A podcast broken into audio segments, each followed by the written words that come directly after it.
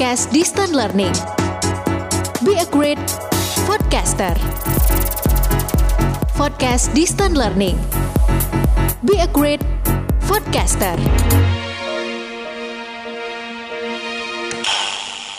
Silakan regu B. 14.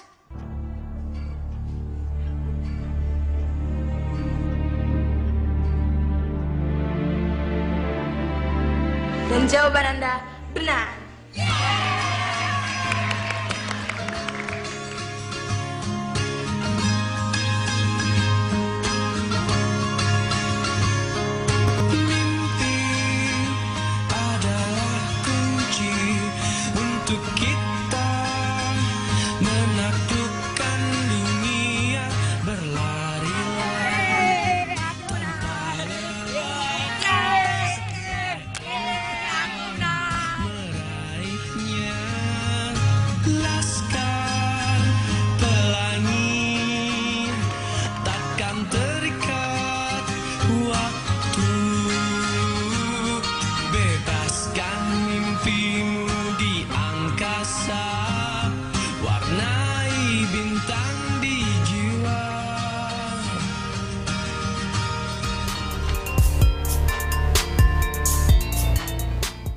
Laskar Pelangi adalah film yang memiliki naskah kuat difilmkan dari sebuah novel tulisan Andrea Hirata.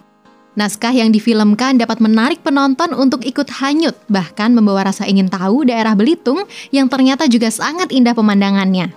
Maka kali ini kita akan belajar membuat naskah audiovisual yang hebat sehingga nantinya kita dapat pula menjadi penulis naskah yang bahkan mampu menembus dunia film di Hollywood.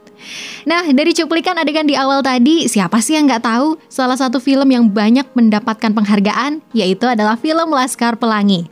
Merupakan salah satu film yang diadaptasi dari sebuah novel karya sutradara Riri Riza. Film Laskar Pelangi ini dikisahkan pada akhir tahun 70-an di sebuah pulau Belitung di dekat Pulau Sumatera. Terdapat banyak yang menarik dari film ini antara lain yaitu cerita yang unik dan penuh dinamika dengan 12 siswa dengan karakter yang sangat kuat dan juga seorang guru ambisius yang memiliki cita-cita besar dan juga luhur. Bagaimana sebuah film bisa merasuki perasaan bahkan penonton bisa ikut hanyut dalam kisahnya. Nah cukup menggelitik bukan untuk kita kupas tuntas dari unsur naskah yang menjadi kunci sukses keberhasilan film. Video Lovers agar nanti kita dapat membuat naskah audiovisual sendiri yang mungkin dapat dituangkan dalam sebuah produksi film dan dibeli oleh produser film. Yuk, kita siapkan diri dan kita ikuti obrolan yang menarik dengan narasumber hebat kita untuk membahas bagaimana cara menyusun naskah dengan program audiovisual yang kuat. Video Lovers, obrolan kita kali ini akan ditemani oleh Bapak Suparwoto. Beliau adalah praktisi nih. Beliau juga merupakan dosen di Institut Seni Indonesia Yogyakarta. Kita sapa terlebih dahulu ya. Halo Pak Woto, apa kabar? Halo Mbak Asa, kabar baik. Yeay. Media Lovers, senang sekali hari ini bisa menyapa teman-teman dan berbagi ilmu. Iya. Walaupun Oke. hanya secara auditif ya Mbak Asa ya. Betul. Tapi tetap semangat. Ayo. Harus dong tetap Ya. semangat. Oke Pak Woto, tadi di awal kita kan sudah disuguhi cuplikan adegan film yang menarik ya Pak ya. Bahkan sampai sekarang kita masih ditemani nih lagu-lagu theme songnya dari Niji. Tentunya Pak Woto juga sudah pernah menyaksikan film itu ya Pak ya? Iya pernah. Oke, nah menurut Pak Woto apa sih Pak yang menjadi kekuatan film itu jadinya bisa merebut perhatian banyak halayak Pak? Ya, saya selalu melihat film itu berbalik dulu ki skenario-nya baik ini kan Mhm. gitu ya. Menarik gitu ya.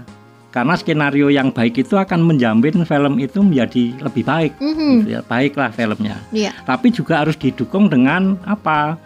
Problematiknya itu bisa mewakili problematik sasaran film itu Mhm. gitu ya.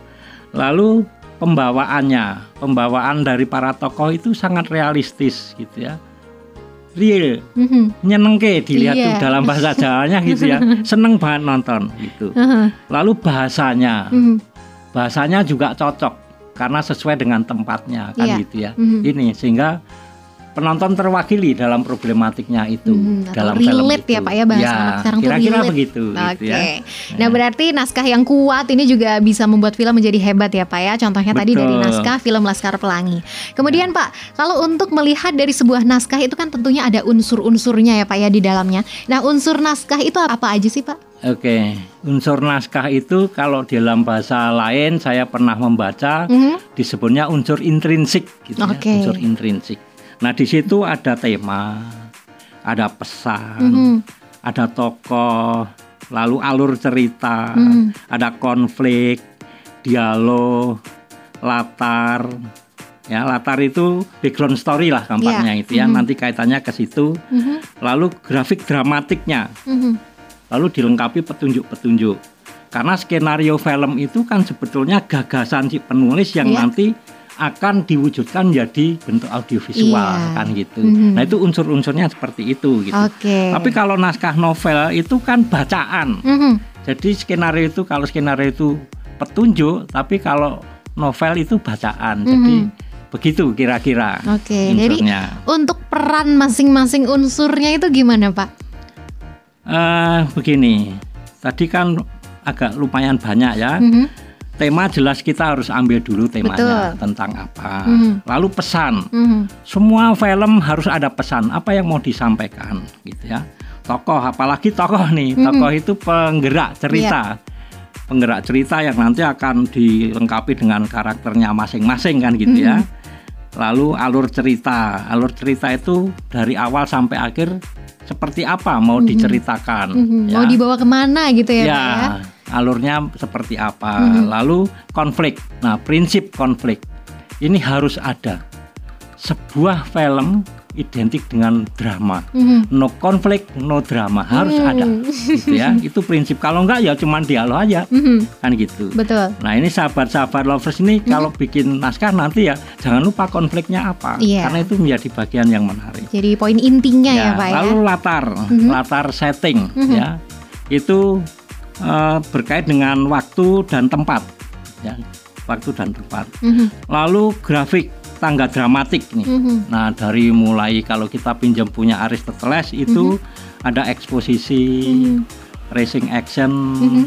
lalu klimaks, lalu solusi, ending. Mhm. Nah, itu apa? Umum ini dipakai bahkan film Hollywood itu sering menggunakan itu karena Oke. ini mudah diikuti dan apa ya? eh, cukup simpel tapi menarik itu tangganya itu. Mhm. Oke. Nah, kira-kira begitu. Oke. Ya. Pak Woto, kalau untuk alur atau plot itu sendiri ada macamnya nggak Pak?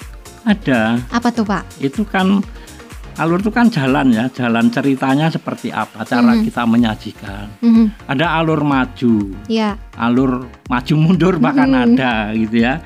Alur mundur juga ada semacam flashback kan gitu Iya. ya. Lalu nanti ada alur cabang. Mhm. Alur bercabang itu hampir hampir mirip dengan yang lurus. Kalau lurus itu kan bersumber pada tokoh utamanya ya. Mhm. Itu ceritanya itu. Tapi kalau bercabang itu ada sedikit menyimpang ke tokoh yang lain problematiknya. Tapi harus segera balik lagi ke ini tokoh utamanya Oke, gitu. ya. Ya, gitu. Mhm. Wah. Jadi ada alur maju, alur mundur, alur maju mundur Aduh, gitu. alur Nah, acak ada gitu ya, Pak ya. Itu. Oke, wah menarik Iya. banget nih Pak. Padahal ini baru satu unsur nih Pak yang kita bahas. Iya. Kalau unsur yang kedua, unsur naskah yang kedua, penokohan sendiri itu apa Pak? Penokohan itu kan membentuk karakter ya. Mhm. Karena dia yang menggerakkan cerita, dia yang membawa cerita itu menjadi hidup. Hidup, Ya, mhm. unsur naratif ini yang menjadi utama kan Mhm. gitu ya. Penokohan ini lalu nanti akan terbentuk dalam drama atau film itu Mhm. tokoh antagonis, Mhm. tokoh protagonis, Mhm.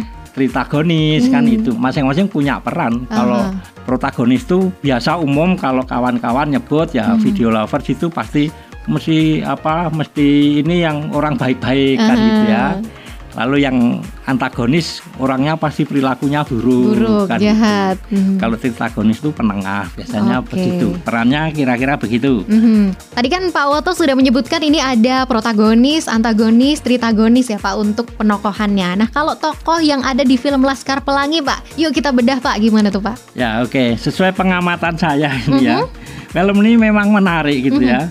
Mulai dari yang berperan protagonis dulu ya, Ya. yang jadi tokoh utama itu Ikal ada ibu guru muslimah ya, Ya. dan Pak Harfan. Nah itu tokoh protagonis kan Mhm. itu. Sedangkan Ibu Friska sebagai tokoh yang antagonis, ya. Erin dan Prof Yan sebagai tokoh tritagonis. Mhm. Mereka berperan sesuai karakter mereka masing-masing gitu. Oke. Sehingga tidak bola balik bolak balik Mhm. gonta ganti karena Atau harus konsisten. ketuker ya Pak ya, Iya, kan ya. gitu. Gak lucu ya Pak ya kalau ketuker. Tadinya baik jadi jahat gitu. Tapi boleh loh ya. Oh boleh. Boleh. Seorang tokoh di dalam film itu Mhm. itu di dalam perjalanan ceritanya bisa berganti karakter, Oh, Oke. bisa berganti. Jangan ragu ya kalau mau merubah karakter dari tokoh itu, Mhm. tetapi Mhm. penonton harus tahu Oke. Ya, Ada aba-abanya dulu ya Pak ya. kenapa kok dia berubah itu harus tahu. Penonton harus diberitahu. Misalnya begini, eh, tokoh ini tadinya antagonis gitu ya, tokoh ini antagonis karena perbuatannya yang kurang baik, lalu dia dipenjara, Oke. kena hukum penjara gitu. Nah di dalam penjara itu kan pembinaan sebetulnya. Mhm. Setelah dia keluar dari penjara itu berperilaku baik karena di dalam penjara ada pembinaan. Oke. Misalnya seperti itu. Ah. Nah itu boleh berganti Oke. karakter. Oke, jadi Misalnya harus begitu. ada aba-abanya ya Pak ya, Ya. jangan langsung switch gitu ya Pak Iya, ya. betul, Oke. betul. Nah sekarang kita menuju ke unsur dialog nih Pak, karena tadi nggak kalah menariknya juga ya untuk mengungkap sebuah pesan atau makna adegan cerita. Iya. Untuk unsur dialog ini apa sih Pak? Dialog itu kan sebetulnya mewakili pesan yang tidak bisa divisualkan Mhm, ya. Ini bahasa verbal gitu ya, Oke. verbal. Dan dialog ini juga harus konsisten dengan karakternya, Mhm, sesuai dengan karakternya.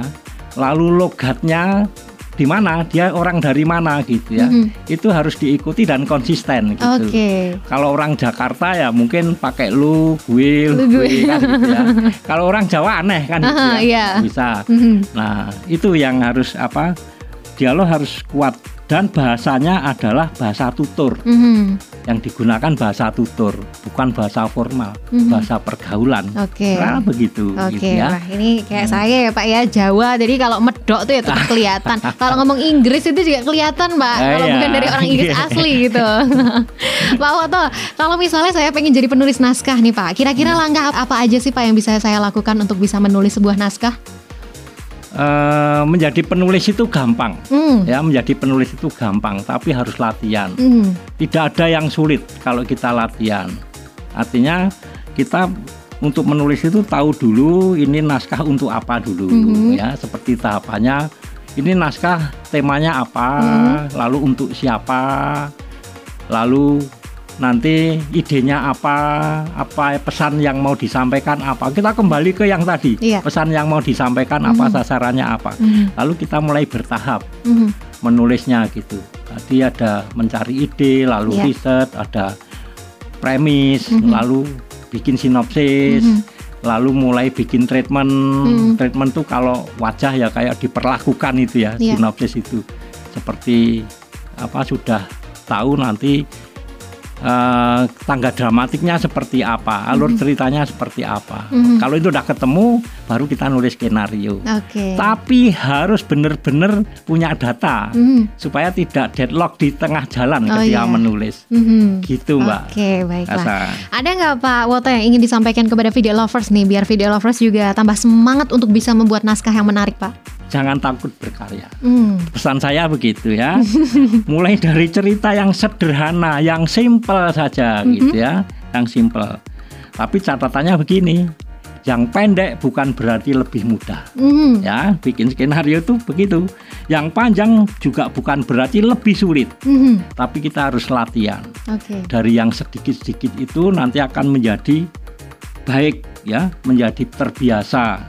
Tapi harus mulai mencoba kan gitu. Eh siapa tahu ternyata bakat kalian tuh punya bakat terpendam menjadi penulis skenario yang filmnya nanti bisa mendunia kan gitu ya. Ini yang harapan uh, kita supaya jangan takut berkarya, terutama di dalam menulis latihan. Jenuh berhenti dulu, Oke. jangan dipaksakan. Lanjutkan lagi, ya kira-kira gitu. Yeah, Oke, Pak pasti Woto. bisa. Ah, pasti bisa. Video Iya. lovers juga pasti bisa. Pak Woto, saya pengen tanya dong satu lagi Pak. Ya. Kalau tadi kan kita tidak boleh takut mencoba ya Pak ya. Hmm. Kalau memikirkan keraguan-raguan nanti kira-kira diterima nggak ya sama masyarakat, respon masyarakat gimana ya Pak? Itu gimana Pak menghilangkan kerisauan itu Pak? Eh, Itu harus ada keberanian. Kita itu harus berani gagal kok. Oh. Ya. Gagal itu bukan berarti habis segala-galanya, tetapi ini menginspirasi untuk bagaimana baiknya kan gitu. Oke. Lalu kita bisa membaca selera, Hmm. ya membaca selera target sasaran kita. Oh ternyata begitu. Hmm. Bagaimana membangun problematiknya supaya dia terwakili. Lalu bagaimana kita membuat mereka itu penonton itu tertarik, memikat, Mhm. lalu menjadi mengesankan Iya. setelah nonton filmnya. Haha. Kira-kira begitu. Oke, wah luar biasa nih Pak. Jadi harus dicoba ya Pak, ya harus berani ya Pak ya. Berani mencoba. Oke, makasih Pak Woto untuk sharing pengetahuan tentang naskah yang tentunya bikin kita penasaran untuk buat ya Pak ya. Kita jumpa lagi semoga ya Pak di lain waktu dengan tema yang tentunya berbeda dan juga lebih menarik. Terima kasih. Iya, video lovers kini saatnya kalian mencoba membuat sendiri naskah. Mungkin naskah dari pengalaman kalian pribadi atau mungkin juga dari imajinasi kalian atau boleh juga nih berdasarkan novel yang pernah kalian baca. Coba kalian tulis kemudian kalian praktekkan, libatkan teman di kelas kalian atau mungkin juga gurumu sebagai naskahmu kemudian bisa dipentaskan di kelas. Kemudian perhatikan deh seberapa menarik naskah yang kamu buat jika diperagakan. Video lovers berani mencoba kan? Podcast Distant Learning. Be a great podcaster. Podcast Distant Learning. Be a great podcaster.